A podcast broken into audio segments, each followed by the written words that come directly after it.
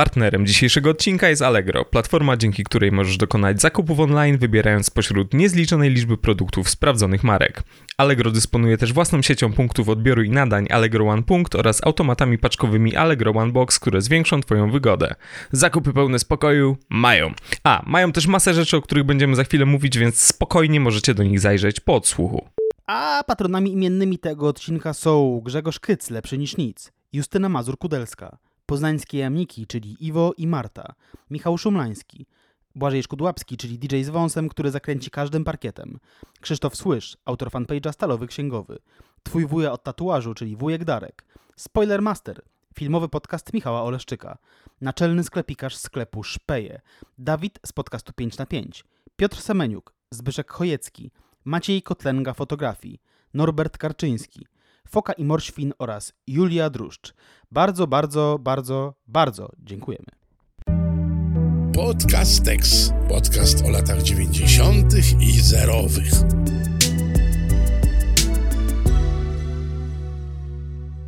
Bartek, y, pozwolisz taki, taki quizik na początek. Mhm. Mm, Czego dotyczy ten cytat, Twoim zdaniem? Najprościej ujmując, chodzi o zdobywanie władzy. Im więcej posiadasz, tym więcej jej masz.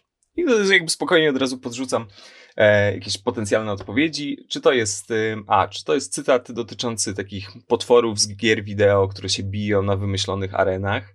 E, Czy to Mhm. jest y, cytat, który dotyczy twojego sąsiada, który założył biuro maklerskie w 93 roku? Mm, Czy może C, chodzi o kościół rzymskokatolicki? Może chodzić równie dobrze o, nie wiem, sieć sklepów mięsnych w powiecie e, jakimś tam, wymyśl, wymyśl sobie jakiś powiat. No, gener- generalnie wydaje mi się, że to dotyczy każdej władzy, zjawiska, zjawiska A. władzy in general. Aha. Czy się, czy się mylę? Nie, to dotyczy Pokemonów, nie?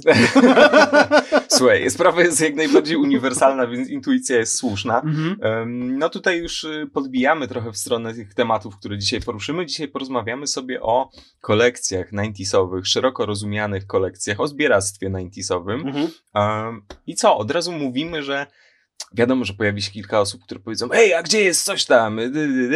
Wiadomo, że nie poruszymy wszystkich tematów, które można by tutaj zawrzeć, ale to, co mamy, to, co przygotowaliśmy, to chyba całkiem, całkiem sporo. Nie będziemy rozmawiać o komiksach, też dlatego, że zrobiliśmy dłuży odcinek o TM Semiku, a w ogóle polski komiks, czy nie tylko polski komiks w latach 90. i tak dalej, to też jest w ogóle szeroki, szeroki temat. Nie pogadamy o, o action figures i też o bootlegowych figurkach, które można było kupić w kiosku, ale może też będzie okazja, żeby jeszcze, jeszcze o tym porozmawiać. Dzisiaj się ograniczymy do, e, do kilku wątków po prostu. Tak, przy okazji nie będziemy też rozmawiali o tych takich kolekcjach jeszcze wywodzących się z PRL-u, kiedy ludzie zbierali z grubsza wszystko. Tak. dlatego, że nic nie było, więc jak przychodziła jakaś, nie wiem, paczka z Ameryki i tam ktoś przysłał Milky Way albo jakiś inny, nie wiem, napój, to Tak. ludzie zbierali kapsle, nakrętki, Słynne puszki. puszki, w domu ustawiali je, tak i tak dalej. Też e, tego unikniemy, chociaż wiemy, że w latach 90. jeszcze to, to zbieranie trwało. Tak. Jakby skądinąd też wiemy, że piwosze, chyba dzisiaj się nie, nie używa tego, tego słowa, kraftowcy raczej, powiedzmy powiedzieć, em, wciąż zbierają kapselki i sobie tam je naklejają na jakichś tam, pozdrawiamy em, pana z bloga, to, znaczy Tomasza z bloga blog.com. Tak, pozdrawiamy k- krawciarzy. Naj, najlepsi Więc ludzie. tak, więc o tym nie będziemy rozmawiali, no bo, no bo nie, jakby, jakby nie o to chodzi. Chodzi nam bardziej o te rzeczy, które były trochę marketingowe, a trochę do kupienia tylko po to, żeby je kolekcjonować, tak? Tak. A nie po to, żeby tam wychlać butelkę i żeby naklętkę tam jakiegoś tam EB, czy jakie jest jeszcze nieistniejące dzisiaj piwo. 10 z kalibu A Forte. Ebeni wrócił jakiś czas temu, Rzeczywiście, wydaje mi się, chyba a to pewnie na, fa- na fali nostalgii. Mhm. E, Jean Reno przywrócił to do, do łask. No tak, chociaż te rzeczy, o których będziemy mówić, to jest ciekawe, ym, one są oczywiście uwikłane marketingowo, tak jak już tutaj e, e, zasugerowałeś, ale z drugiej strony też one wynikały, jakby całe, całe kolekcje wynikały również z wielkiego, z wielkiego głodu. Mhm. No bo tak, okej, może już się nie zbierało na potęgę jakichś takich zachodnich rzeczy, bo się pojawiło trochę produktów w sklepach, ale generalnie zbierało się każde kurwa, nie? Mhm. Jakby, że był taki głód, po prostu tak, to jest nowa rzecz, to jest fetysz, to, Mhm. to, to, to musi być mm, u mnie i przyznam, że ja momentami zbierałem jakieś takie zupełnie randomowe rzeczy, nawet się nie zastanawiałem nad tym, czy mnie to interesuje w gruncie rzeczy, tylko tam jest, jest to, więc więc musimy, musimy to zrobić.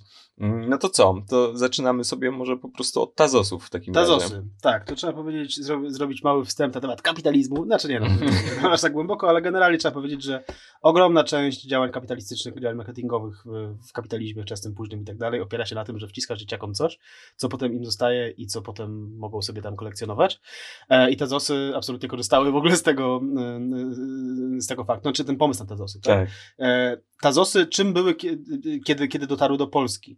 Tazosy były kapslami, które układało się w stosiki, które, nas, które te stosiki następnie rzucało się Tazosem tak, żeby Mhm. część Tazosów się tam wywróciła na awers albo rewers. Tak. Nie wiem, bo nigdy nie grałem, muszę powiedzieć, tylko zbierałem. U nas się nie grało w Tazosy za bardzo, a jak już były takie kapsle typu, nie wiem, właśnie z disneyowskiego Herkulesa na przykład z chipsów czy coś, Mhm. to u mnie w szkole raczej się grało na te, na te statystyki, które tam były, tam siła, wdzięk, A, nie? czyli to intelektualne granie. Intelektualne, my, się, my się nie zniżaliśmy do poziomu napier... Ty- nie, mówi się do poziomu rynsztoka, Tak. nie? bo przecież e, w latach 90. no, cały czas płynęło ulicami, więc proszę się tam nie zbliżać nawet. Tak? To, jest mój, to jest mój porządny syn. Wiesz co, ja w to, ja w to grałem i mm, e, co ciekawe, ilekroć się mówi o Tazosach czy o Pogach, o czym e, pewnie za chwilę, to mówi się o tym wariancie gry właśnie z wieżą, czyli ustawiasz ten avers rewers, masz odwrócić e, kapsle mm, przeciwnika, wcześniej karty przeciwnika, no i jak odwrócisz, to zbierasz, jakby kroisz frajera nara e, i jesteś, jesteś, jesteś, jesteś, jesteś zwycięzcą. Czy tak to działało, przepraszam, że zapytam, No. czy tak to działało w Polsce, Właśnie- gdzie trzeba było wydawać te dużo pieniędzy, kiedy nie było pieniędzy? Właśnie w tym rzecz. Właśnie wiesz co, ja nie znam tego wariantu.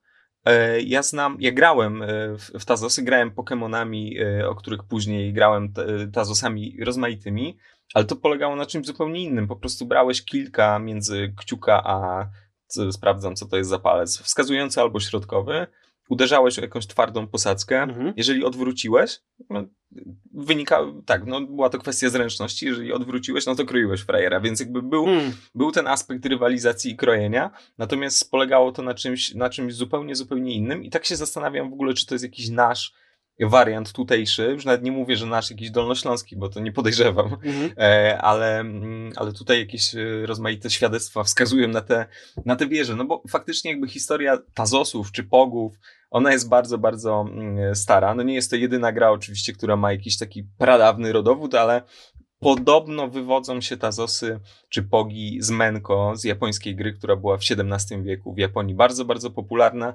aż do drugiej połowy XIX wieku zdaje się. Mm, Chodziło tam o karty albo o takie krążki, czy to drewniane, czy to ceramiczne. Z tymi ceramicznymi to pewnie trochę trudniej. Na nich były jakieś wizerunki znanych postaci, herosów, pewnie władców. Mm, No i ta gra zawędrowała na Hawaje wraz z jakąś sporą japońską emigracją na początku XX wieku. No i tam już radzono sobie tak bardzo w trybie do it yourself, czyli brano nakrętki, jakieś takie kapsle z mleka i jakoś je przyozdabiano i, i grywano w ten sposób, ale Akala Dairy to była jakaś firma hawajska, która na potęgę to, to produkowała i ona ma tak naprawdę bardzo duże znaczenie, jeżeli chodzi o całą modę. W latach 70. oni wypuścili sok, który nazywał się właśnie POG albo POG I tam te nakrętki też się mm, pojawiały i ta gra znowu zaczynała jakoś zyskiwać, zyskiwać na popularności, aż do 90sów, kiedy to w ogóle jakoś niesamowicie wybuchło. Tak naprawdę nie wiemy do końca z czego to wynikało. Podobno Hale Akala zaczęła wtedy znowu promować bardzo mocno ten mm, sok POG.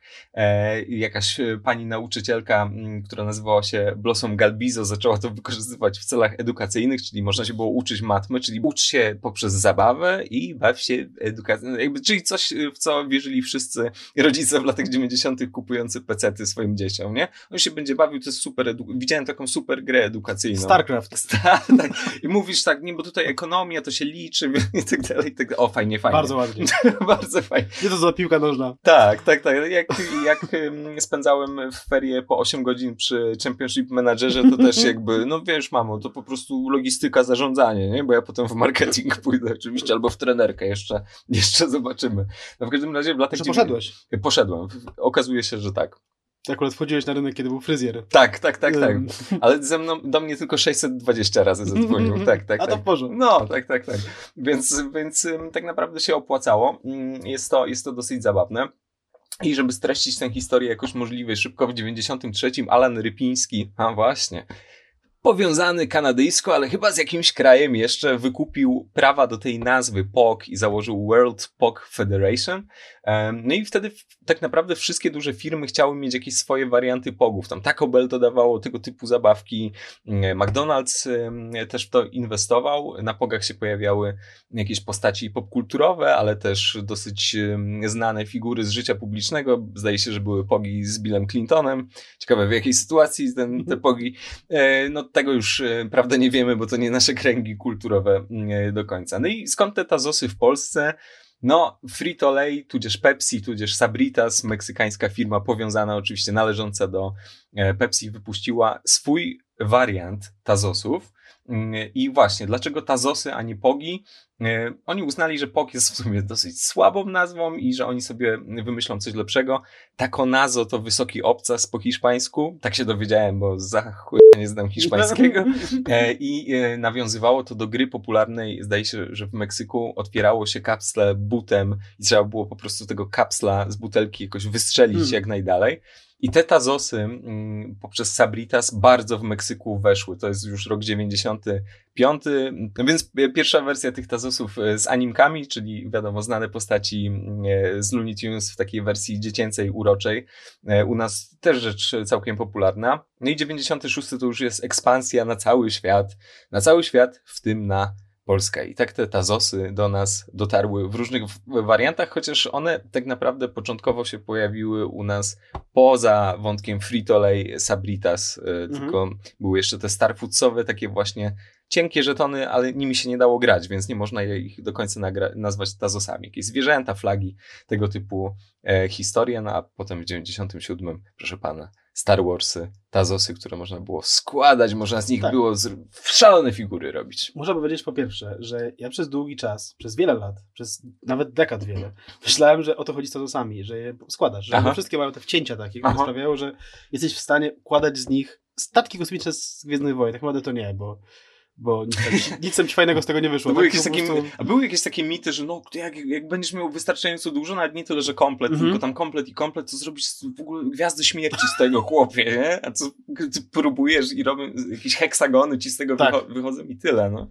Wydaje mi się, że nie jest to możliwe, chyba że ona byłaby bardzo duża, w sensie taka, wiesz, nie? Ale nie, nie dałoby się chyba tak wsadzić w stosunku do siebie tych, tych tazosów, żeby, żeby ułożyć z tego coś na kształt sfery, tak? Kuli. Tak, tak, tak. E, ale po drugie, muszę powiedzieć, że w trakcie, kiedy mówiłeś o The World Pog Federation, Mhm. postanowiłem stwierdzić, czy oni do dzisiaj istnieją. Mhm. I istnieją. Istnieją. Tylko, nie tylko istnieją, ale mają absolutnie doskonałą stronę internetową.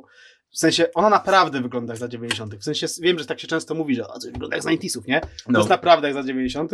Em, e, ta maskotka POG Federation, czy w ogóle maskotka POG, e, też wygląda jak z 90 Wygląda trochę jak e, Fido Dido, ten, ten Tak, tak. ludek ze, ze, ze Sprite'a, w sensie w takim klimacie to wszystko narysowane.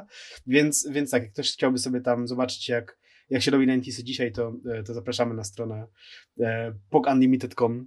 E, no i tak, no i pytanie brzmi, Mateusz, czy ty zbierałeś jakieś konkretne kolekcje tazosów w swoim dzie- dzieciństwie, albo może w dorosłości na przykład? Mm, tak, zbierałem, zbierałem jak najbardziej Space Jamowe, z tego, z tego co wiem, to ty również. Miałem wszystkie. Mm, Jedyne, No, które miałem wszystkie. miałeś ten? Miałeś całą kolekcję? To była chyba jedyna kolekcja taka marketingowa, taka, że sprzedawana w ogóle z reklam, że miałem wszystko.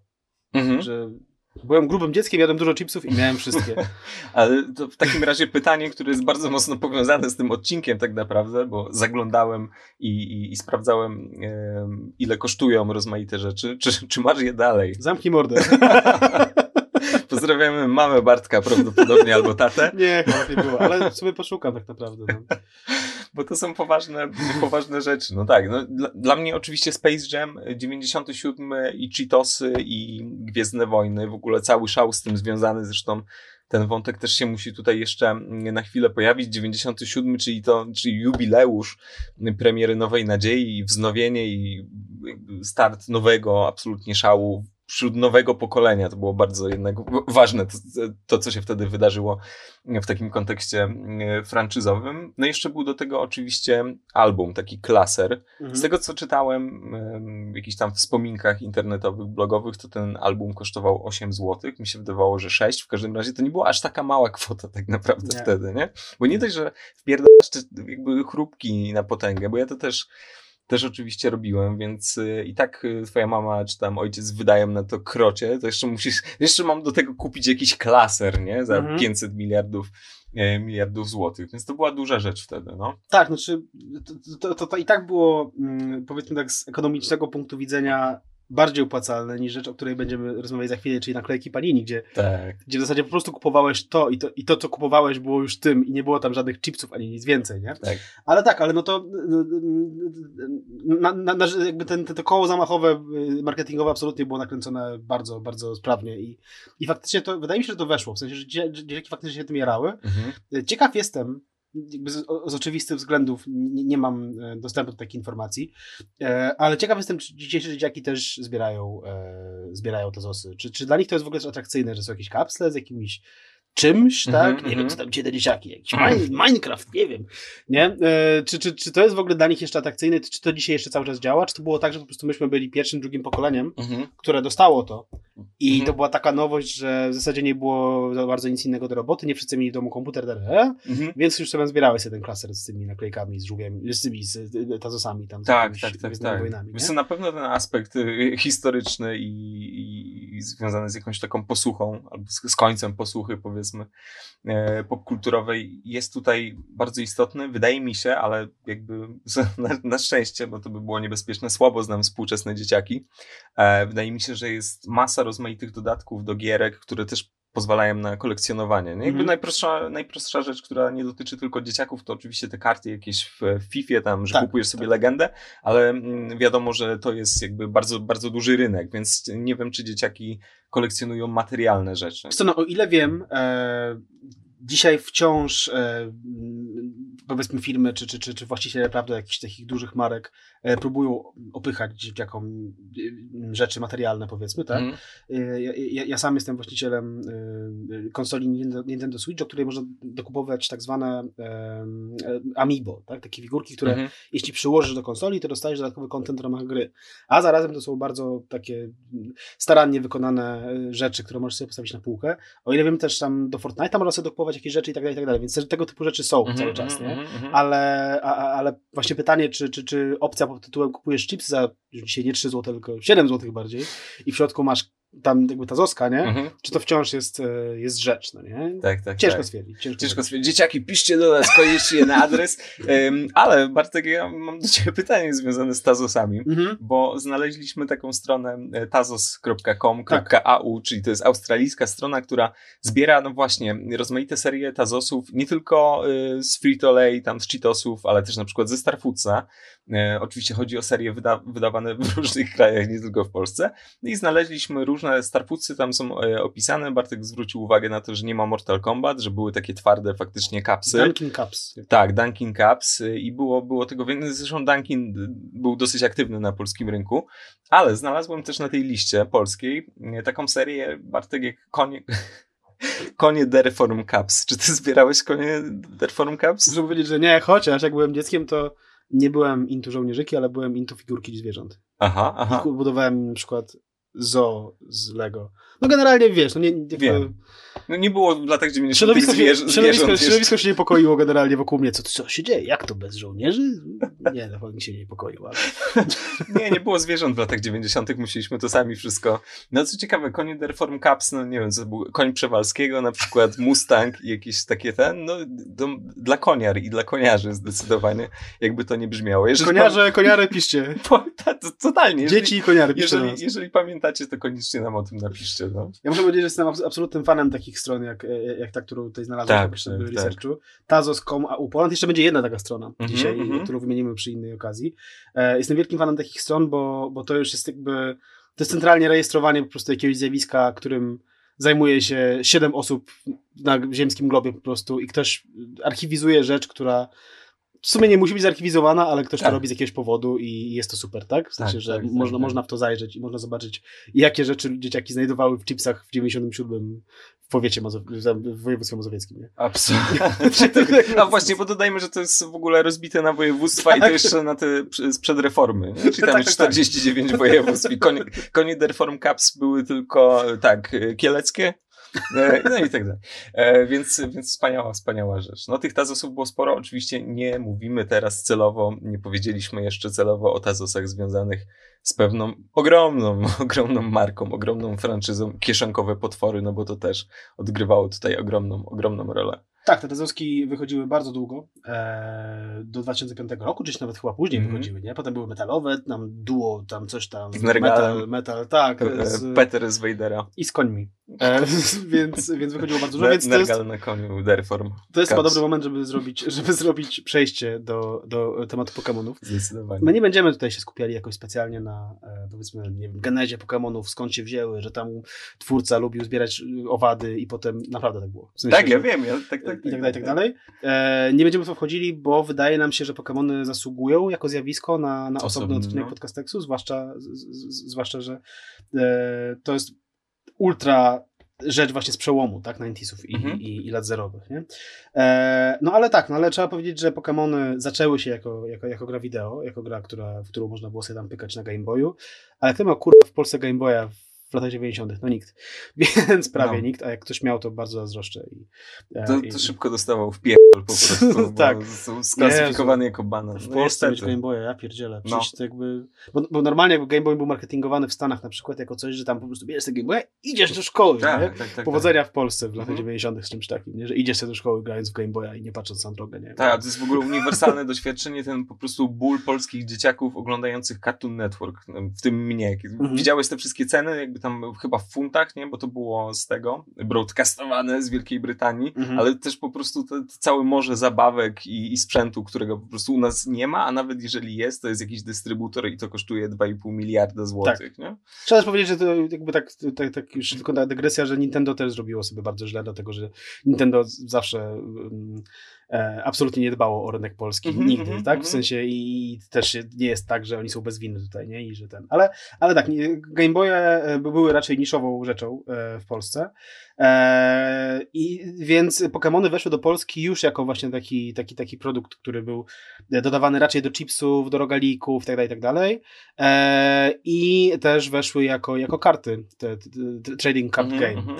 E, I to było w okolicach e, 2000 roku, gdzieś tam na przełomie 2000-2001 roku.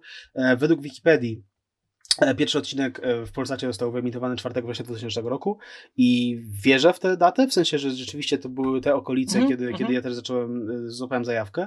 Zajawkę na Pokémony złapałem bardzo, bardzo silną w swoim czasie i, i byłem Pokémoniarzem w tym sensie, że e, kupowałem trading card game o dziwo, dlatego, że one były strasznie drogie. Ja na to wydawałem całe kieszonkowe, które dostawałem od dziadków.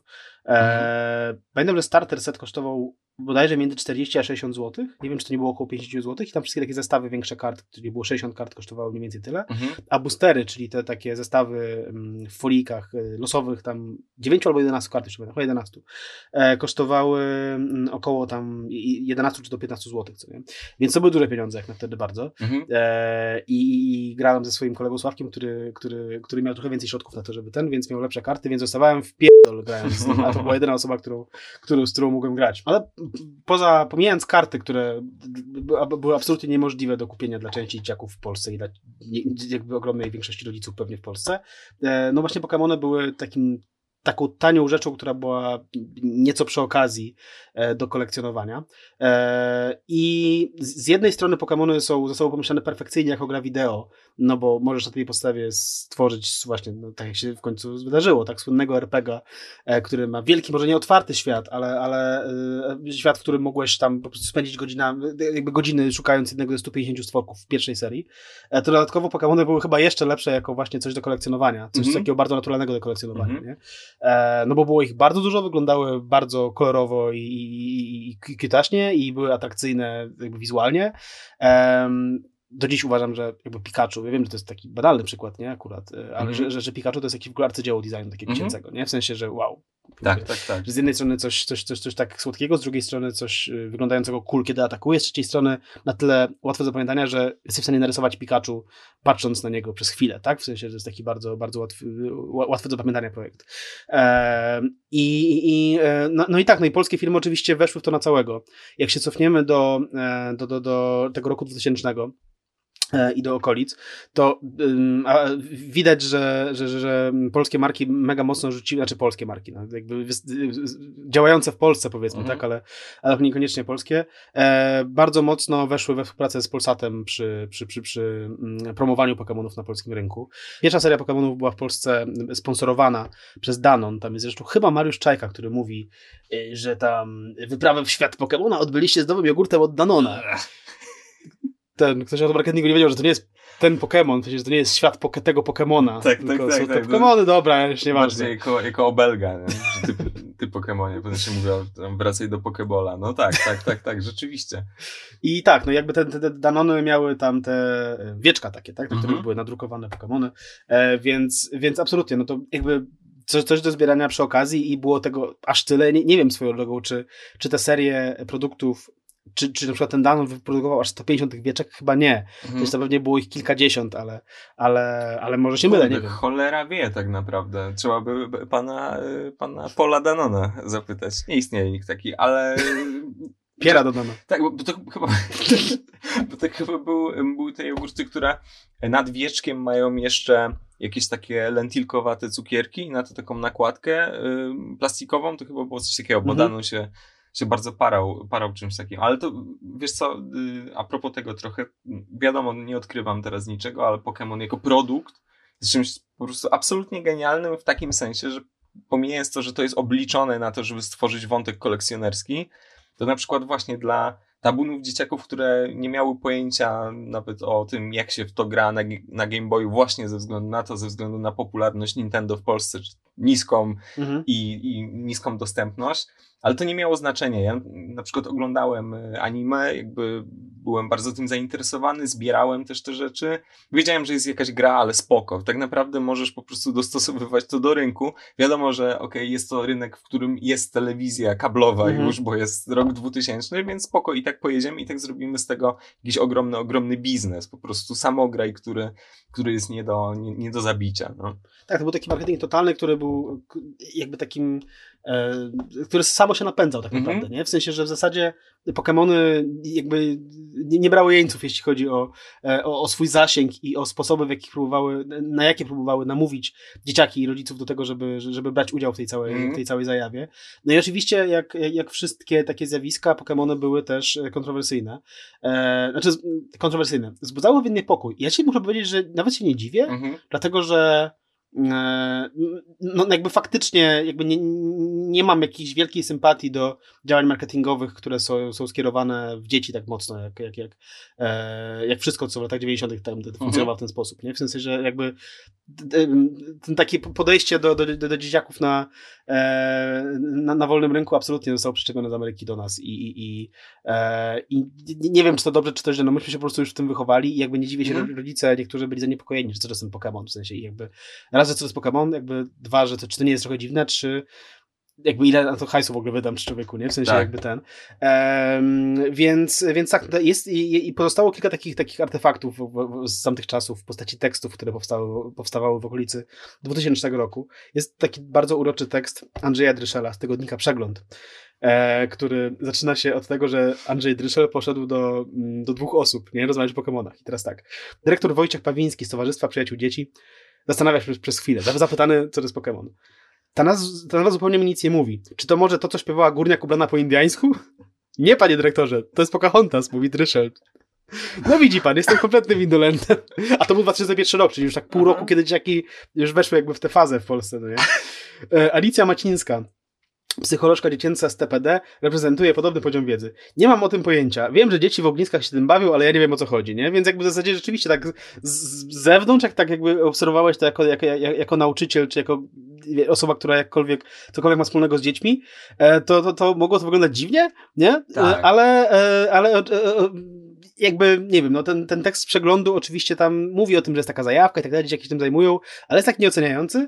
E, Bardziej oceniający e, by- by był tekst e, na przykład Konrada Zaremskiego z kina, gdzie tam już była taka konkretna przestroga, że, że, że, że, że to, że tamto, że, że, że, że epilepsja tam w ogóle była. Więc, więc tak, więc były takie teksty, które powiedzmy nie podchodziły, znaczy podchodziły z pewnym niepokojem, próbowały wytłumaczyć zatroskanym rodzicom, na czym polega ta cała zajawa, ale nie były jakoś specjalnie oceniające Polsce nie, nie, nie, nie można było tam znaleźć jakichś tam, e, nie wiem, strasznego, strasznego wycia po prostu do, do, do Księżyca z okazji tego, że pojawił się Pokémon w Polsce. Mhm. E, no ale oczywiście jakby wszedł polski kościół z, cały na biało, tak, jeszcze, prawda, żył kto miał żyć, prawda, wtedy.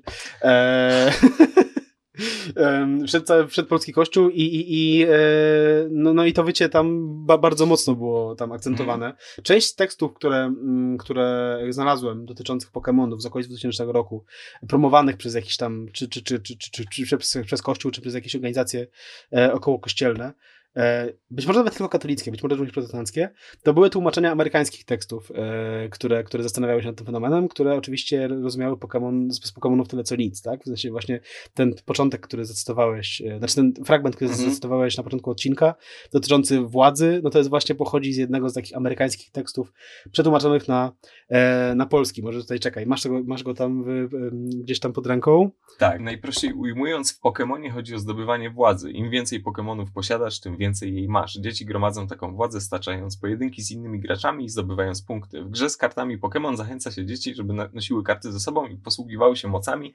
jakie na nich są opisane. I tutaj oczywiście podobnie wierzą osoby, które noszą ze sobą fetysze albo magiczne zaklęcia, więc tutaj wracamy do dobrze znanego tematu, związanego z okultystycznym podszyciem, ale to też jakby mm, pomijając to, że to bardzo często tak bywało, że jakieś osoby decyzyjne plus kościół nie miały wiedzy i po prostu biły w bęben i alarmowały, no to też wynikało z tego, że mm, wiadomo, że nadrabiamy zaległości i jeżeli chodzi o skomas, skomasowanie całej akcji promocyjnej, no to, to wtedy była naprawdę jakby bezprecedensowa rzecz, jeżeli chodzi o polski rynek, nie?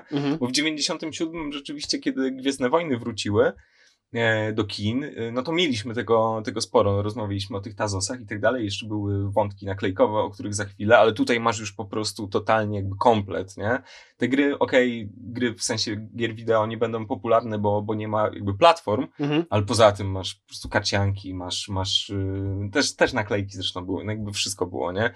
Tazosy takie, takie, różne generacje i, i po prostu nie dało się, nie dało się od tego uciec, czyli taka trochę próba przystosowania się do nowej sytuacji, no więc przeszczepianie tych wątków właśnie, wiesz, purytańsko-amerykańskich, na zasadzie o Maryjo, nie? jakiś atak tutaj to prądem, to przecież demony jakieś małe. No trzeba też przyznać, że mm, no jest to jednak historia, która koncentruje się wokół, no może nie tyle zwierząt, co jakichś stworków, ale Mhm. często na tym początkowym poziomie, w tym pierwszym stadium dosyć uroczych stworków, które się nadłuchają po prostu na arenie, żeby się wyeliminować, nie? Więc Tak, ale nie zabijać. W sensie Tak. bardzo często się słyszało, że Pokemony się mordują i tam trzeba Tak, zabić tak, tak, tak. przeciwnika. Tak, pamiętam, że sam to słuchałem jako Pokemoniarz po prostu nastoletni, co nie? Mhm. A no gówno, nie? jakby ża- żadne zabijanie, tylko tam one to były nokautowane, nie? No to jest taki, taki wielki rozkrok, e, w którym, w którym w pewnym momencie e, ten szpagat wykonał polski kościół, że z jednej strony e, w latach 70., 80. absolutnie polski kościół nie był przeciwnikiem transformacji ustrojowej i tam dążył do tego, żeby ona zaszła, no ale wraz z transformacją wlały się do Polski zjawiska, które Tak. e, którym Kościołowi e, ciężko było kibicować tak naprawdę, nie?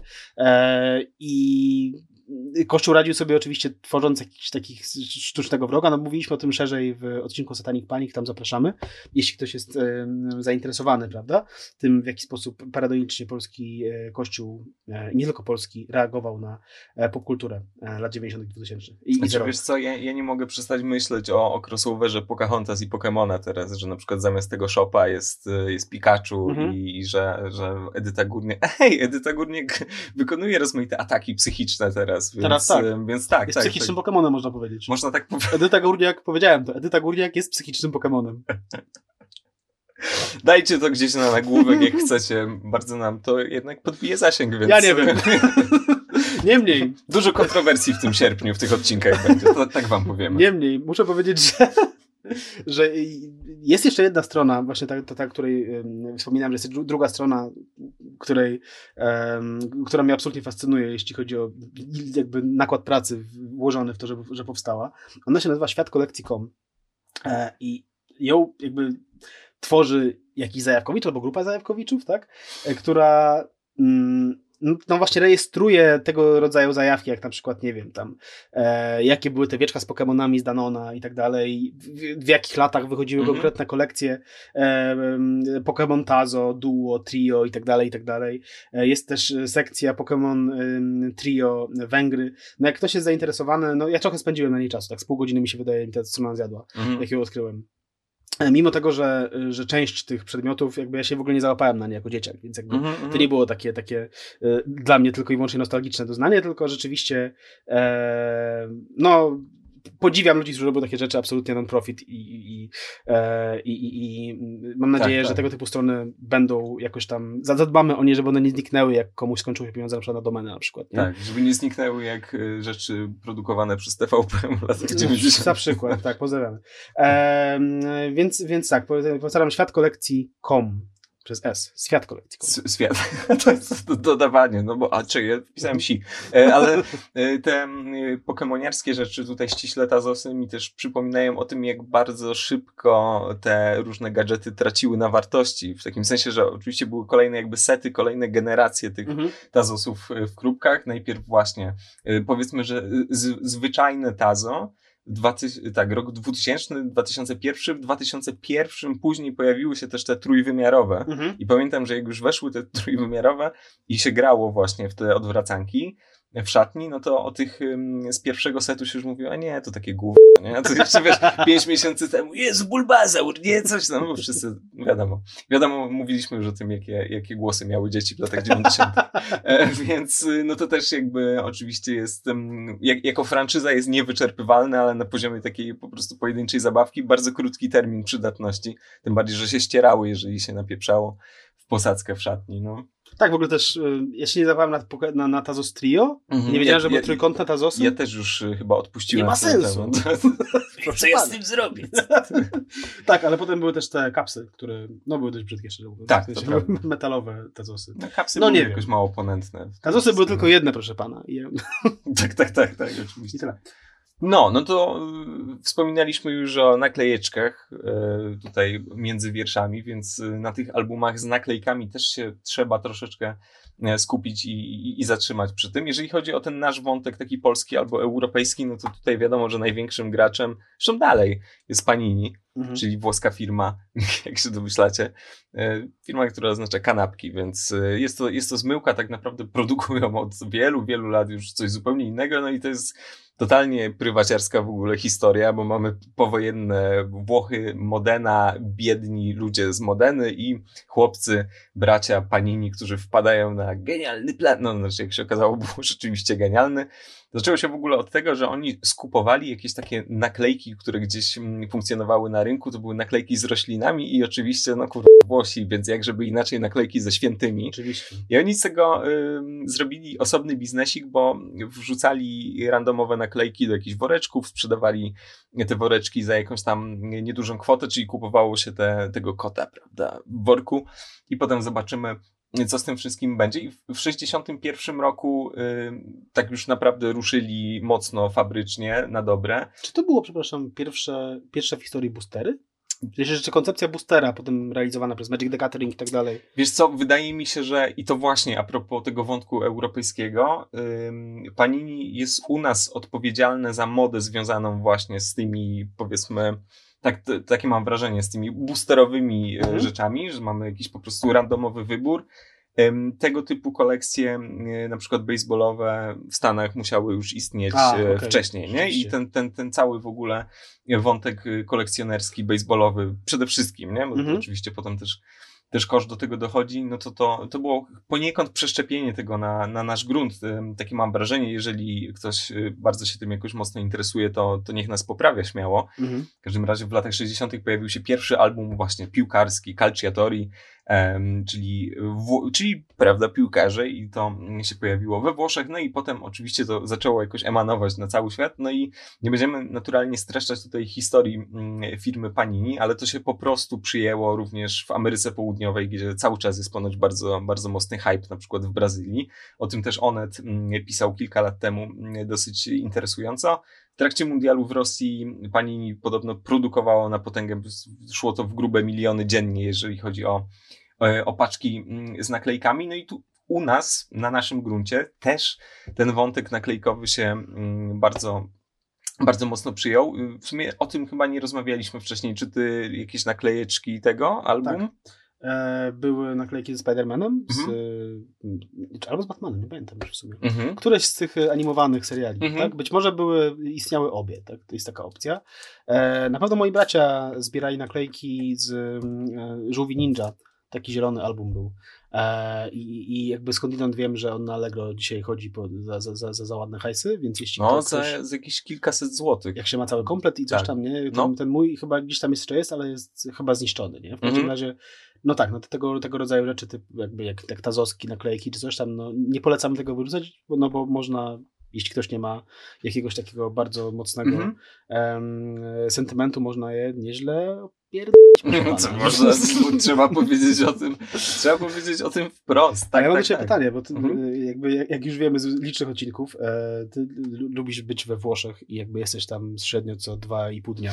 Mhm. E, czy Chciałbym. Czy firma Panini jest jakby tak obecna w takiej przestrzeni, w sensie jak takie duże marki rzeczywiście, w sensie, że widuje się firma Panini, w sensie, że, że czy Włosi mają cały czas zajawę na to dzisiaj i czy jest dużo tych albumów z naklejkami, etc., czy...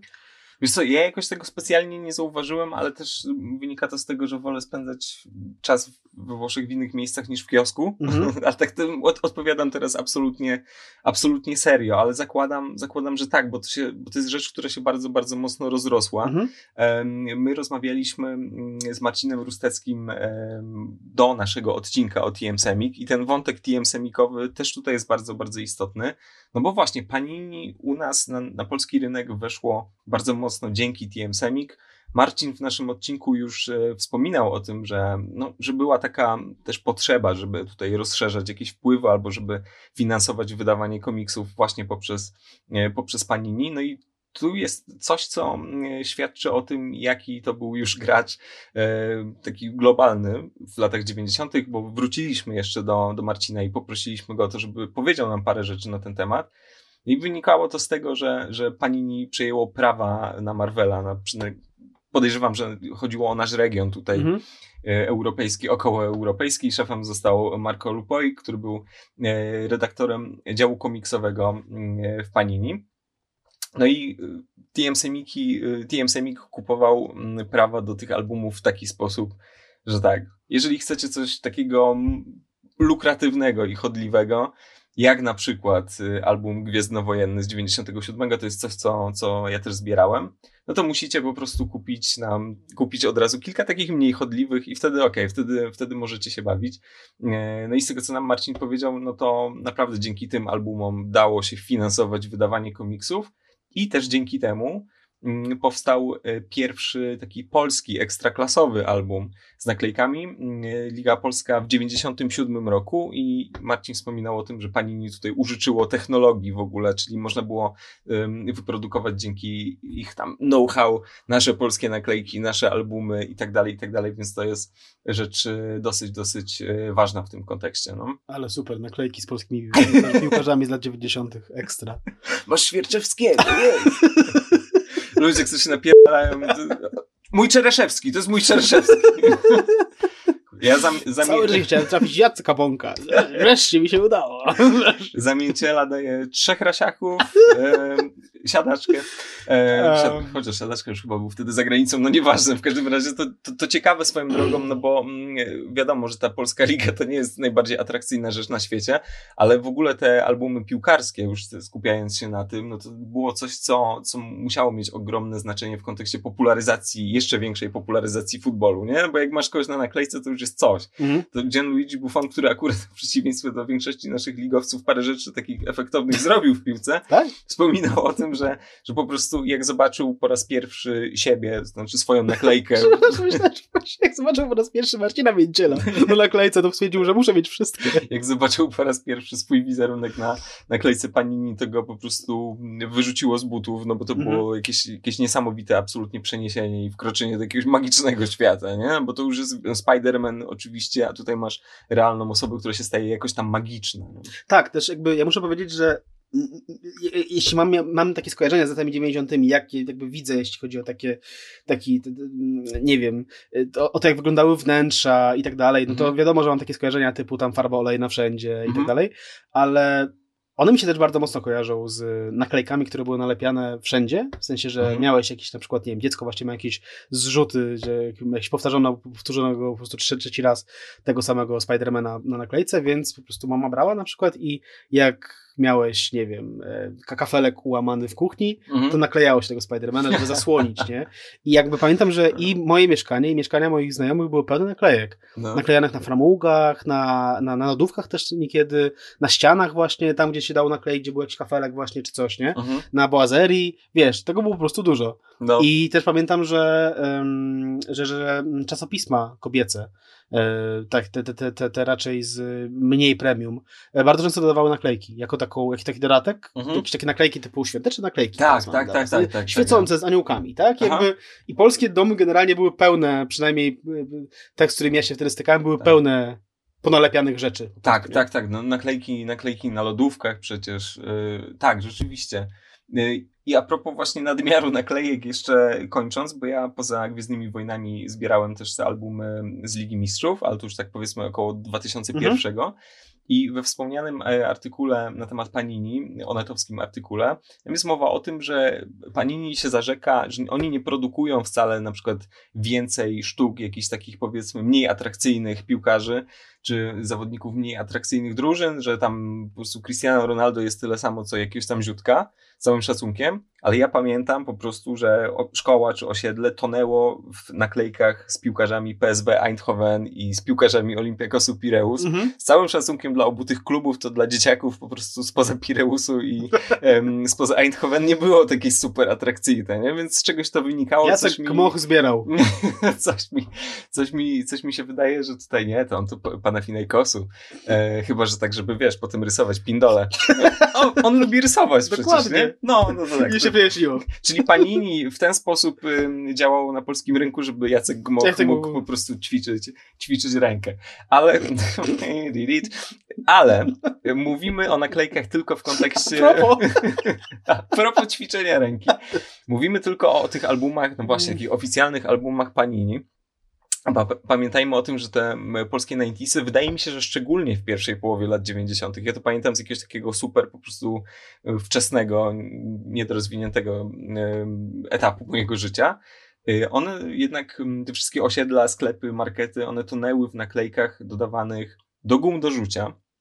I to jest dosyć ciekawe, bo to zwykle, właściwie niemal zawsze były kolekcje oparte, no właśnie, znowu na jakiejś tam własności intelektualnej, na jakiejś marce. Mhm. E, Mój brat, pamiętam, że miał dużo naklejek ze Star Treka Next Generation na, na biurku. Nie wiadomo dlaczego, bo w sumie nie oglądał Star Treka. E, Mieliśmy Alfa, no bo kurde, Mhm. Alf jest fajny. Mm, Co tam jeszcze? Scooby-Doo ja zbierałem już nieco później na, na potęgę. I w niektórych przypadkach możemy mm, założyć, że tak, że to jest uregulowane prawnie. Na przykład Dunkin mocno działał na polskim rynku w latach 90., oni mieli to ogarnięte, bo to du- duża, duża firma, ale jakoś przygotowując się do tego odcinka, trafiłem na rozmaite kolekcje na Allegro i znalazłem firmę Amex Poznań. Mm. I dosyć, ym, dosyć mocno mnie Amex y, Poznań y, zaintrygował, bo po pierwsze wydawali albumy piłkarskie, same albumy, ym, czyli te para klasery, ale to tylko tak naprawdę złożona kartka, to były Mhm. rzeczy darmowe. I oni wydali na przykład w 92 album Football 92 z okazji Mistrzostw Europy 92. Nie brzmi to jakby tam było wszystko dogadane.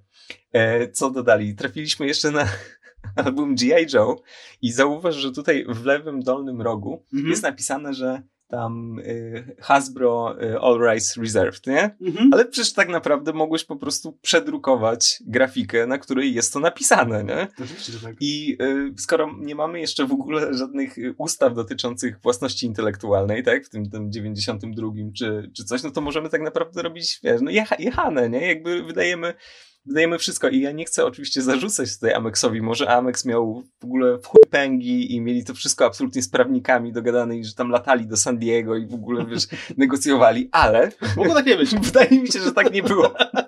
I to jest super sprawa.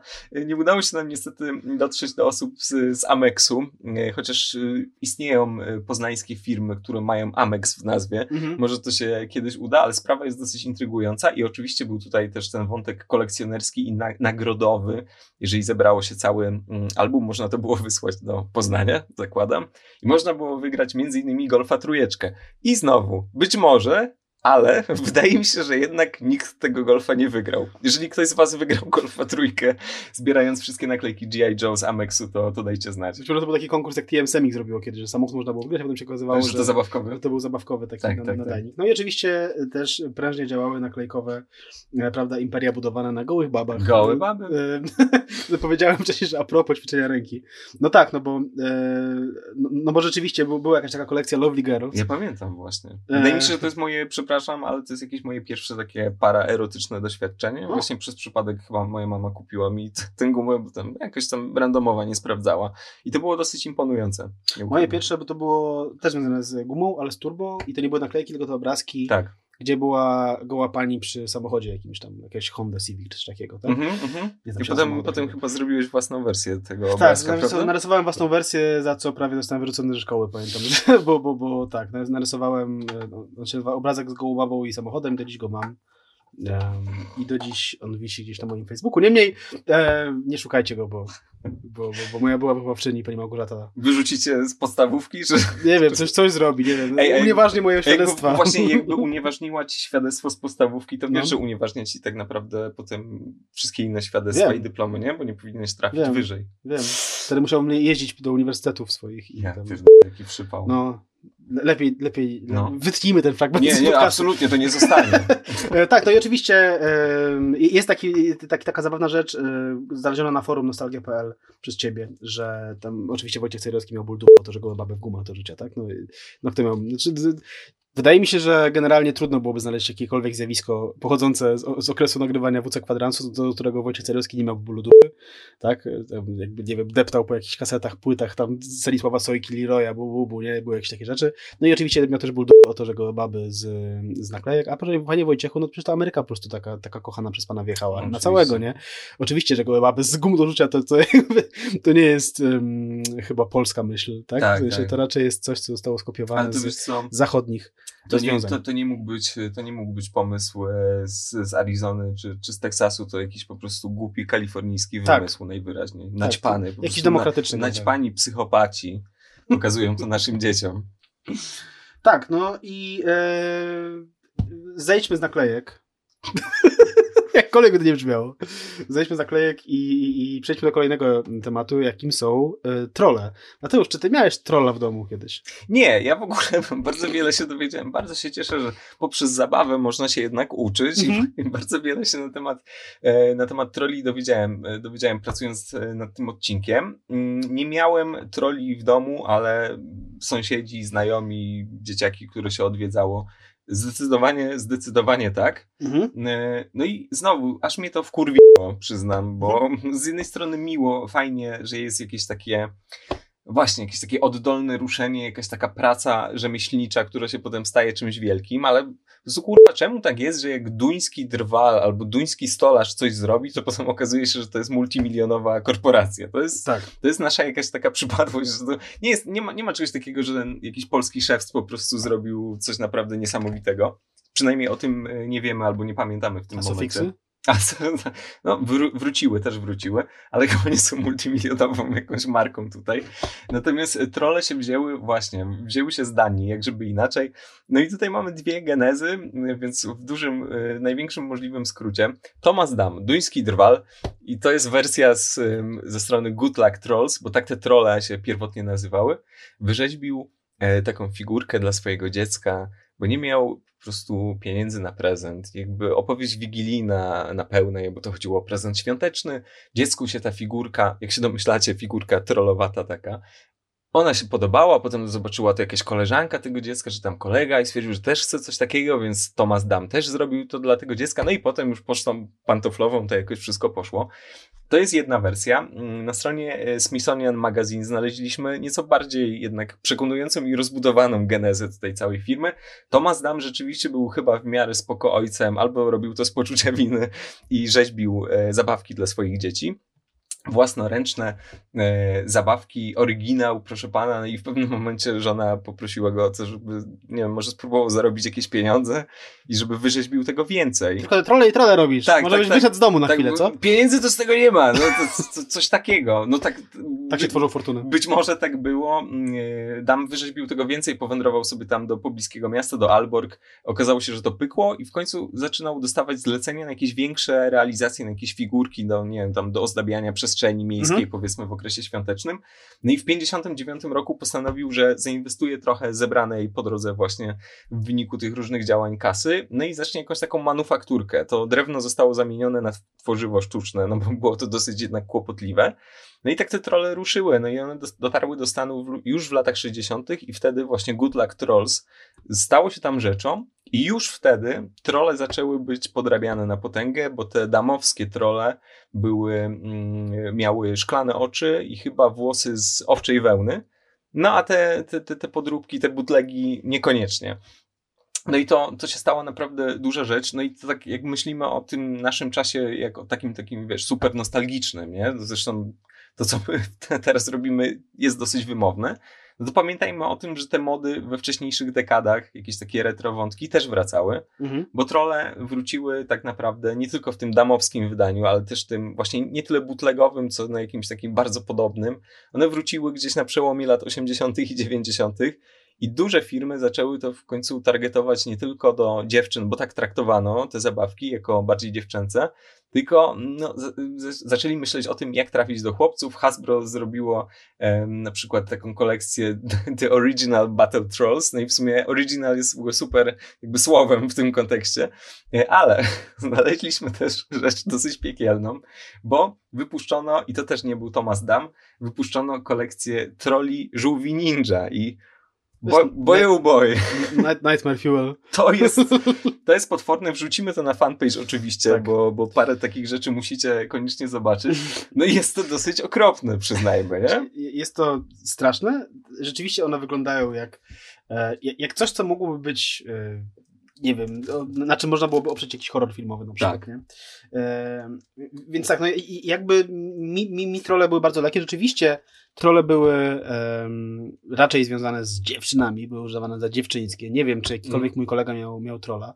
E, na pewno interesujące w ich kontekście jest to, że są, są pięknie brzydkie, tak? W sensie, Mhm. że one są intencjonalnie zrobione tak, żeby, żeby, żeby, miały brzydkie te mordki, jakbyś. E, a, bo też nie powiem tego. E, żeby miały brzydkie te mordki. E, więc, e, więc, ale mówię, jakby to jest temat bardzo mi daleki. No, powstają e, ostatnio, w ostatnich latach powstały filmy kinowe z trollami Tak. i jest to pewnie jakaś tam forma e, no, nahypowania znowu dzieciaki na to. E, być może na fali tego, że powstają również filmy, które osiągają całkiem fajne e, wyniki w kinach o Smurfach, czy filmy o minionkach, tak? Czyli te wszystkie takie e, wróciły małe ludziki, które, Mhm. które coś tam robią, tak? W sensie w jakiś tam e, obszar zainteresowania dzieci współczesnych i trole prawdopodobnie po prostu są na, na, na tej fali też płyną sobie dzisiaj. No? Tak, tak.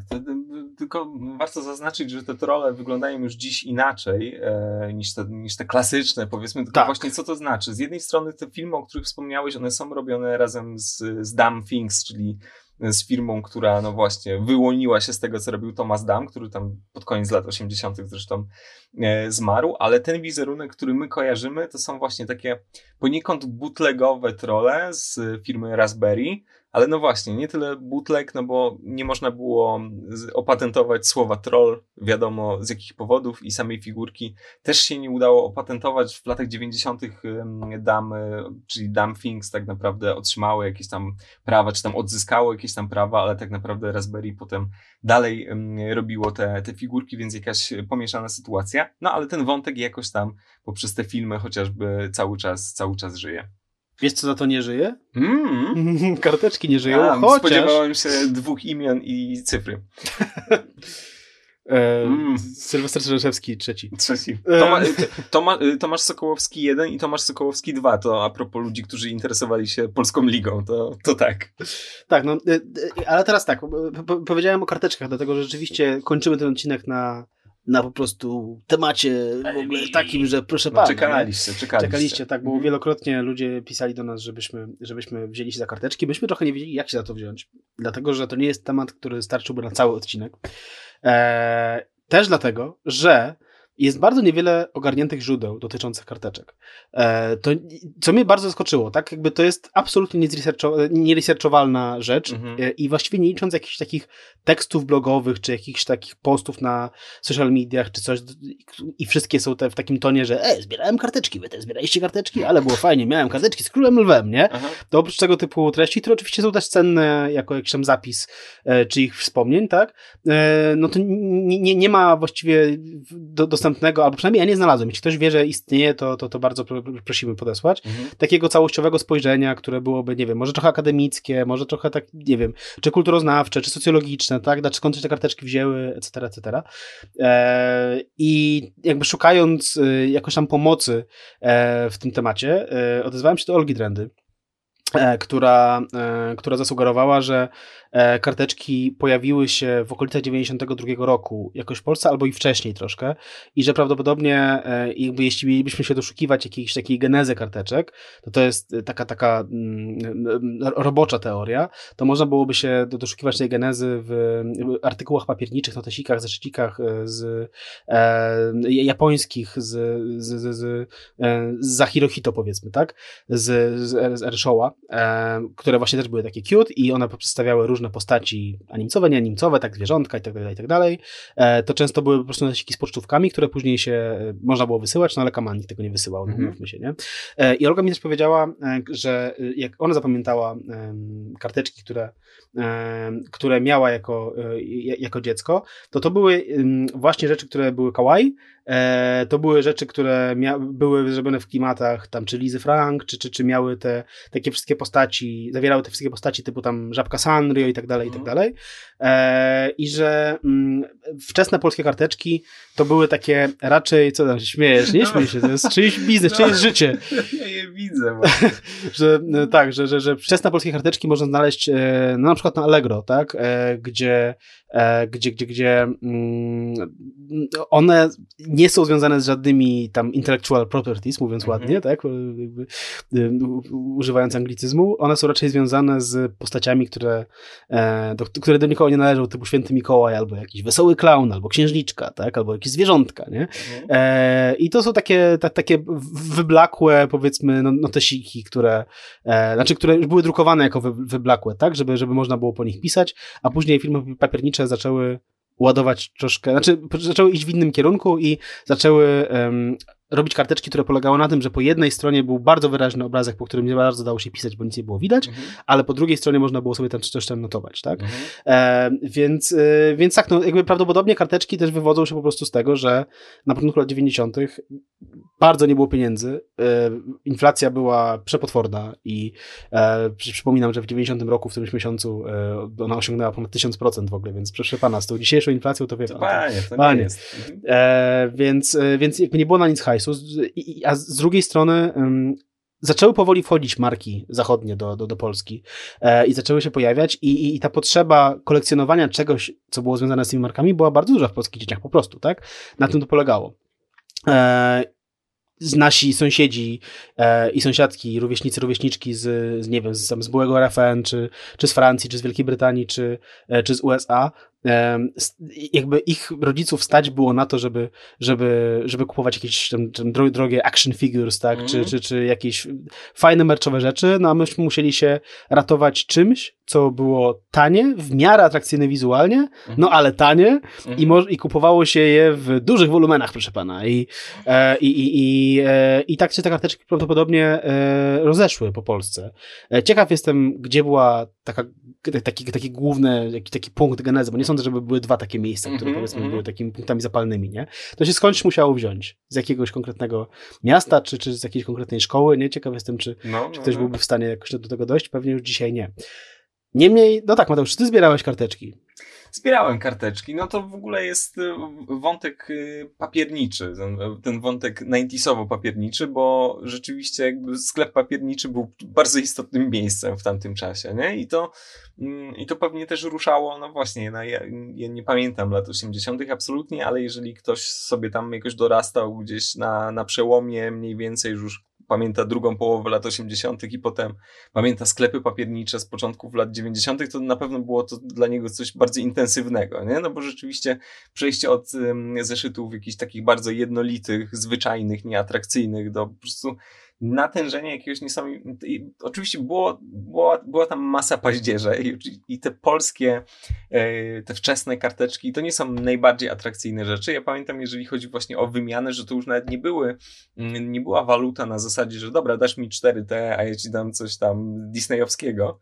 Tylko nie, to, to były rzeczy bezwartościowe. Istniała też kategoria karteczek takich zupełnie bezwartościowych. Nie, że nie, nie chcę tego, jakby w ogóle mi tego nie dawaj. To Możesz mi jest dać śmieć. tak, możesz mi dać siedem tych jakichś kurwa klaunów, nie? Ale jakby no nie dostaniesz Michaela, Michaela Jordana, bo to jest to, jest to niepoważne i to też w ogóle pokazuje, jak e, szybko się staliśmy no, zainfekowani przez popkulturę, no bo jak wjechały faktycznie te rzeczy na licencjach, te właśnie IP rzeczy, no to to wymiotło absolutnie Mhm. jakieś takie mm, rzeczy powiedzmy neutralne, na zasadzie ładny kotek, nie? Nie miało to żadnego znaczenia. Znaczenie miały tylko, tylko franczyzy, chociaż nie myśleliśmy o tym jeszcze do końca w ten sposób. No. Tak, muszę powiedzieć, że w studiówku, z którego pochodzę, były Mhm. dwie firmy papiernicze. Jedna się nazywała ZNZ, a druga się nazywała Marbis i teraz e, odkryłem jakiś, e, jakby, z mojego punktu widzenia wszyscy mieli jeszcze ZNZ, co pewnie wynikało z tego, że po prostu ZNZ najbardziej, najwięcej opylał w naszym regionie, tak? A, a nie wiem, czy tam ktoś na, na Dolnym Śląsku słyszał o tej firmie w ogóle, czy coś. Nie No, pamiętam, kto to wydawał w ogóle. no tam były chyba też takie potem bardziej ogólnopolskie firmy typu Strzegom 2000 czy coś takiego było, tak? Ale, A, no to strzegą, tak, No tak, to jest tak. koło mnie. No. No. tak, tak. Ale u nas też były właśnie Mhm, strzegomskie. nie? mhm, Natomiast, e, natomiast ZNZ rzeczywiście em, sobie istniało. Rozmawiałem z Markiem Giedwidziem, e, który był em, współwłaścicielem i współzałożycielem firmy Marbis. E, nazwa pochodzi od, od, od, od No, zgadnijcie. dwóch, od dwóch, dwóch Marków, tak, bo drugim współwłaścicielem był Marek Simbierowicz, em, który trochę opowiadał mi o tym, że, że, że no, jakby w latach 90.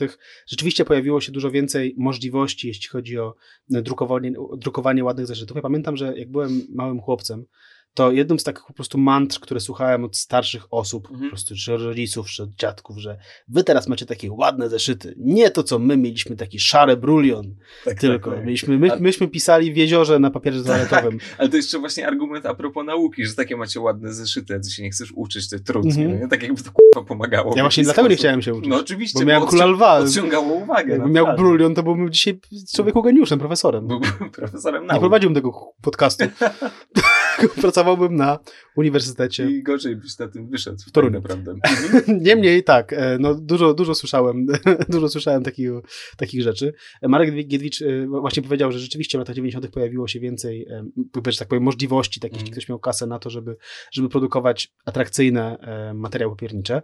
Firma Marbis skupiała się w dużej mierze, oczywiście próbowała też takie nudne, nudne rzeczy typu tam jakieś, nie wiem, ryzy papieru czy coś tam, ale produkowała też, bardzo mocno skupiała się na tak zwanej, e, e, na, na papierze dziecięcym, tak, czy na zeszyty, notesy e, i tak dalej. Przy czym Marbis nie próbował wchodzić w jakieś takie duże franczyzy, tak? Oni pr- pr- produkowali własne rzeczy i to działało na tej zasadzie, że, że właściciele firmy szli do lokalnych, tam początkowo to były po prostu artystki, to były tam jakieś panie, które, e, które robiły jakieś rzeczy i prosiły, prosili je o jakąś grafikę, którą można byłoby umieścić na zeszycie szkolnym na przykład. Mhm. I ona była wykonywana. Oni też próbowali stworzyć własne, jakąś taką trochę franczyzową rzecz, czyli Marbiki, e, ale to nie wjechało, dlatego że drugą firmą, która, która właśnie działała e, w Solejówku było ZNZ i ZNZ było zdecydowanie większą firmą. Niestety nie udało mi się dotrzeć do, do, do, do, do e, właścicieli ZNZ.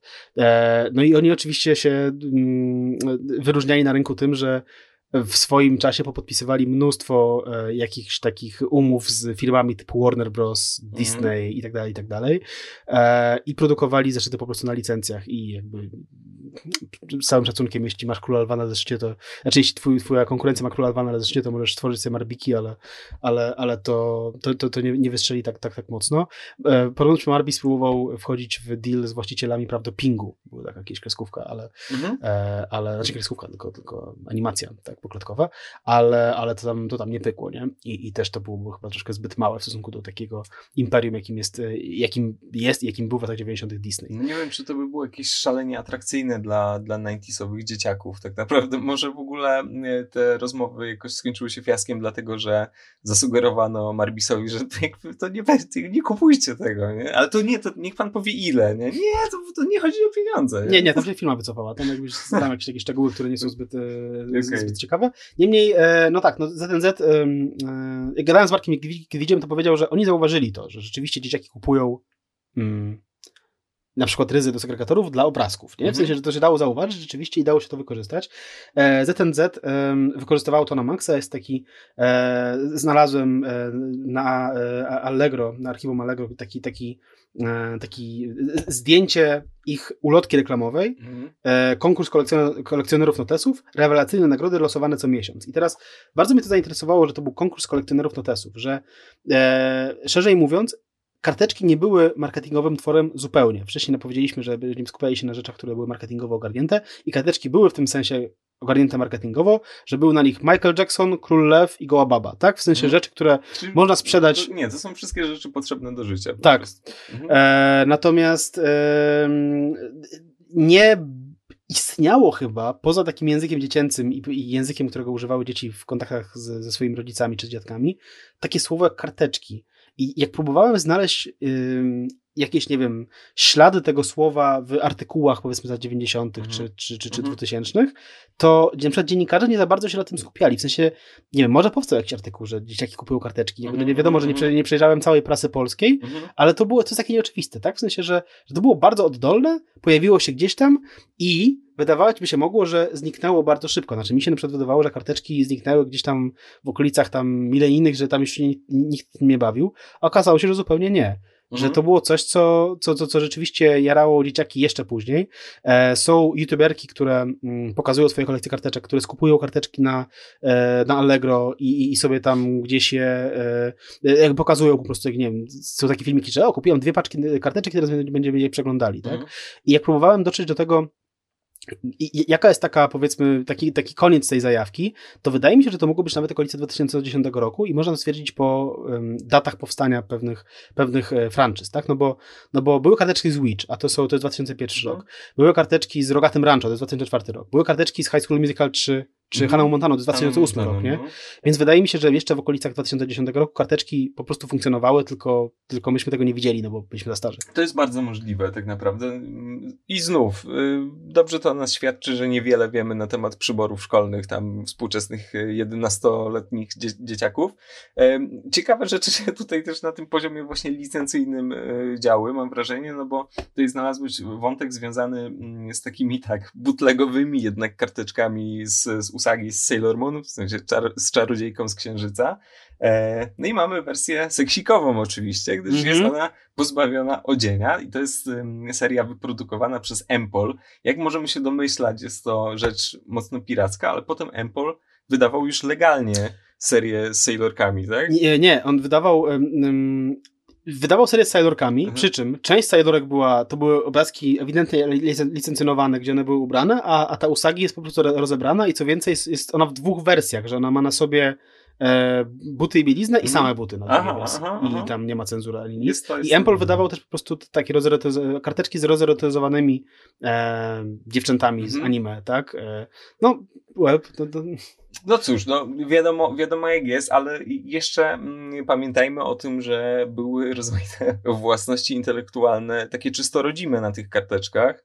I przecież e, serię z Just Five pamiętamy i przyznam, że mój Boże, to tak jak to często bywa w przypadku tych różnych 90sowych deali, że chcielibyśmy wiedzieć. Ja bym naprawdę chciał wiedzieć, jak wyglądały negocjacje dotyczące udostępnienia wizerunku Just Five na tych karteczkach i jakie pieniądze tam wchodziły w grę Mhm. tak naprawdę. Czy na przykład Shadi powiedział, że absolutnie, nie za tyle, nie? Czy coś takiego i Bartek Wrona mówi, nie, nie, daj spokój, to wejdzie. Bartek Więc, Wona e, chciał być na dwóch karteczkach.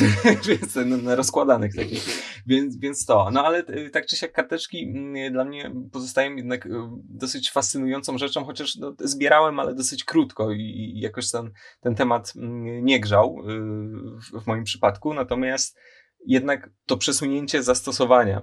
Czyli mamy coś, co docelowo ma zastosowanie praktyczne czysto. No bo przecież y, nawet jeżeli mieliśmy potem bardzo, bardzo wyraźny obrazek, który sprawiał, że jeżeli nawet byśmy to popisali, to wyglądałoby to słabo, Mhm. to i tak bardzo często mieliśmy po prostu kratkę, tak, która Mhm. nam y, porządkowała nam, nam pismo. A to był właśnie najbardziej chyba fascynująca mm, w karteczkach była ich bezużyteczność w takim, takim czysto utylitarnym znaczeniu, nie? Tak, i też jakby ciekawe było to, jak, jak bardzo dzie- dzieciaki były kreatywne w szukaniu nowych zastosowań dla przedmiotów, które, e, które służyły do zupełnie czego innego niż, niż służyły dzieciakom finalnie. No na przykład, nie wiem, te takie, bo były duże karteczki, małe karteczki, tak? Mhm. Były to takie do segregatorów i były takie z notesików, nie? I te z notesików, tak się składa, one idealnie pasowały do albumów na zdjęcia, e, które wszyscy mieli w domu, tak? Te zdjęcia, z, tak, te z małpą, tak? Mhm, mhm. Więc po prostu można było zrobić sobie de facto klaser, ale nikt tego nie próbował wykorzystać w ten sposób, nie? W sensie, to jest chyba coś, co Mhm. Co, co, co po prostu ludzie, którzy chcieli zarobić jakieś pieniądze w latach 90., jakby zupełnie ich to ominęło. Mhm. Jakby nie, nie, nie próbowali tego, jakby zrobić jakiejś kolekcji karteczek. Oczywiście były różne tam, są, jakby są kolekcje karteczek w tym sensie, że wychodzą kolejne jakby mm, zestawy, tak? Mhm. Ale, ale to, to, to nie było kolekcjonerki w żaden sposób. Jakby nikt nie próbował e, narzucać tego, takiego, takiego, takiego hype marketingowego, nie licząc właśnie jakichś takich małych działań, jak te, które wspomniałem o ZNZ, że jesteś kolekcjonerem tam notesików, tak? I tam Tak, zbie, tak, zbierz tak. wszystkie, będziesz wygrasz tam coś tam, nie? Ale wiesz co, Mm. Może, może właśnie chodzi o to, że gdyby wszedł tutaj mm, do gry wątek kolekcjonerski, to musielibyśmy się skupić tak naprawdę, żeby to w ogóle miało sens na kolekcjonowaniu danej serii, nie? Na Mhm. zasadzie, że to są karteczki X, tak? Mhm. Dany tytuł, dan, dany serial y, animowany, czy coś w tym guście, a tutaj znowu mia, miałeś do czynienia, tak, poza tym, że to jest bezcelowe, jakoś tam niepraktyczne, masz do, do czynienia z totalnym bogactwem. Nie wiesz, Mhm. co się może wydarzyć. Oczywiście te jakieś takie para giełdy szkolne, one funkcjonowały na przerwach, tak? Jakieś, jakieś tam sposoby na, na wymianę tego wszystkiego, ale właśnie to, że nie wiesz tak naprawdę z jakiego uniwersum, nawet jeżeli sobie tak tego, e, tak tego nie układasz w głowie, że Mhm. nie wiesz na co trafisz, jest tutaj tak naprawdę dosyć ekscytujące. Nie? I może, Tak. może dlatego to jest wszystko tak naprawdę rozbite, rozmyte i nieskatalogowane, bo no nie da się już tego zrobić.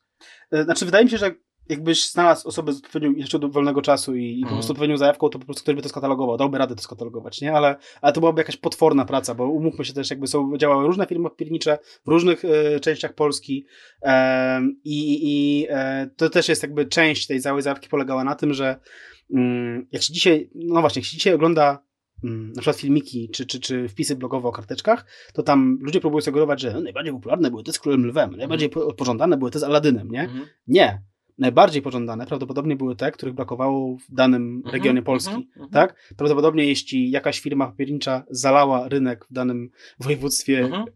e, karteczkami z Królowa, to one były nic nie warte, no bo wszystkie dzieciaki to miały, tak? Mhm. E, I tego było dużo w sklepach. Natomiast e, największą gratką było prawdopodobnie dla dzieciaków taka sytuacja, w której, nie wiem, rodzic bywał poza miejscem zamieszkania często Mhm. i mógł kupić coś w innym, w innym miejscowości na przykład, tak? W jakimś sklepie papierniczym i mógł tam się przejrzeć jakieś, jakieś nowe notesiki No. a, i przywieźć coś nowego, nie? Mhm. bo wtedy miałeś coś rzeczywiście cennego. Jest wiele takich, em, wiele z tych tekstów blogowych próbuje tworzyć jakąś taką trochę legendę karteczkową, że no właśnie, że tam rzeczywiście były takie giełdy i że to w ogóle, Mhm. że tutaj za pięć rafiki dam ci cztery pumby w ogóle tego, nie? E, chyba tak nie było. W sensie jakby to, ani to nie, Zupe- Zupełnie inny był kurs wtedy Rafiki. Dokładnie. Nie Rafiki i pump, no. Mhm. E, ja pamiętam. E, nie, znaczy chyba, znaczy, rze- rzeczywiście, oczywiście ludzie się wymieniali, były karteczki, które były mniej bardziej i, i, i więcej warte, Mhm. ale to też nie było tak, że to była jakaś taka, wiesz, polska szkoła tam kapitalizmu dla małych dzieci i tak No. dalej. No bo tak naprawdę dzieciaki, nie wiem, no, zbierały prospekty reklamowe samochodów w latach 80., 70., Mhm. tak? Jakby zbierały kapsle, jakieś kulki i tak dalej. I zawsze było to zbieractwo i zawsze dzieciaki się wymieniały. I I, się wymieniały, tak, tak, tak. i nie wiem, no, wydaje mi się, że po prostu mm, karteczki mogą być przedłużeniem tych, tych, tych mód PRL-owskich na, na zbieranie po prostu czegoś, co, co nie służy teoretycznie do zbierania, Mhm. ale jednak to zbieramy, no bo, no bo, no bo jest tego dużo jest, i, i jest to tanie i zbieramy, i jakby mamy to przy okazji. Tak, tak, tak, nie, no myślę, że, że kurs walut tutaj wyznacza faktycznie częstotliwość, nie? Że możesz mieć możesz mieć kogoś z PSW Eindhovena, możesz mieć tam. Więc, więc nie, nie, nie, nie, tak samo w wypadku jakichś tam, nie wiem, puszek, proporczyków, czegokolwiek, co, co funkcjonowało wcześniej, kapsli, no jeżeli był jakiś taki większy obieg, że to jest jakieś po, popularne piwo we wschodnich Niemczech, czy coś tam, no Mhm. to, to nikt się na to jakoś specjalnie nie będzie, nie będzie rzucał. No. Ale bardzo urocze jest to, że jak się, jak się że, jakby wciąż istnieją blogi karteczkowe. E, na przykład jest taki blog kawaikarteczki.blog.com. Wejdźcie tam, żeby po prostu ktoś się zdziwił, że ma taki ruch nagle. Że jakby zróbcie to, jeśli ktoś śledzi swoje tam stacje, to, to, to zaskoczcie tego właściciela albo właścicielkę. E, No i tam są takie komentarze jak na przykład witam, czy ma pani tę karteczkę na sprzedaż lub wymianę? Mój adres to, co leci adres, ten małpainteria.pl. E, Mam pytanko, czy ma pani aż 35 karteczek z Sailor Moon i tutaj właścicielka bloga, e, jak się okazuje, przepraszam, odpowiada, witaj, tak, chyba mam około 35 karteczek, już je pokazywałam, co prawda i tak dalej. I ludzie centralnie piszą do siebie komentarze, w których Mhm. umawiają się na jakieś handelki w ogóle Mhm. w 2019-2020 roku, nie? Mhm. Jest to dość niesamowite, że jakby prawdopodobnie faktycznie jeszcze cały czas karteczki funkcjonują jako, jako waluta u bardzo małej garstki ludzi. Więc jakby, jeśli zbieraliście karteczki w latach 90., to byliście w mainstreamie. Sorry, dzisiaj zbieranie karteczek to jest coś, nie? W sensie, Mhm. wow, to, to jest rzeczywiście... Jestem pod wrażeniem, że ktoś się tym zajmuje cały czas. Tak, tak, tak, tak. I trzeba powiedzieć, że karteczki da się sprzedać też za fajne pieniądze na, na Allegro. Znaczy nie, nie aż tak fajne oczywiście, jak, jak, te, te, jak, jak kolekcje tazosków i tak dalej, ale, ale można to zrobić i, i, i jeśli, jeśli macie swój klaser, ja mam, ja nie będę sprzedawał akurat, ale jeśli macie swój klaser tak? i Masz? mam, Okej. mam gdzieś e, u rodziców, muszę go znaleźć, ale chyba wiem, gdzie on jest nawet, więc, bo kiedyś tam trafiłem na niego, nie? Nie? Turtlesy zgubiłeś, byś dos- dostał wiesz, pół klocka od, od strzała, tak to musisz... Bo ja nie robię tego dla pieniędzy. No, tak? No, ja, sprawdzałem też swoją drogą, to nie rozmawialiśmy dzisiaj o Kinder Niespodziance, ale sprawdzałem też, czy można figurki kupić. Znaczy, domyślałem się, że tak, tylko pytanie za ile. I powiem ci, że niektórzy, zresztą właśnie na Allegro sprzedają je na wagę.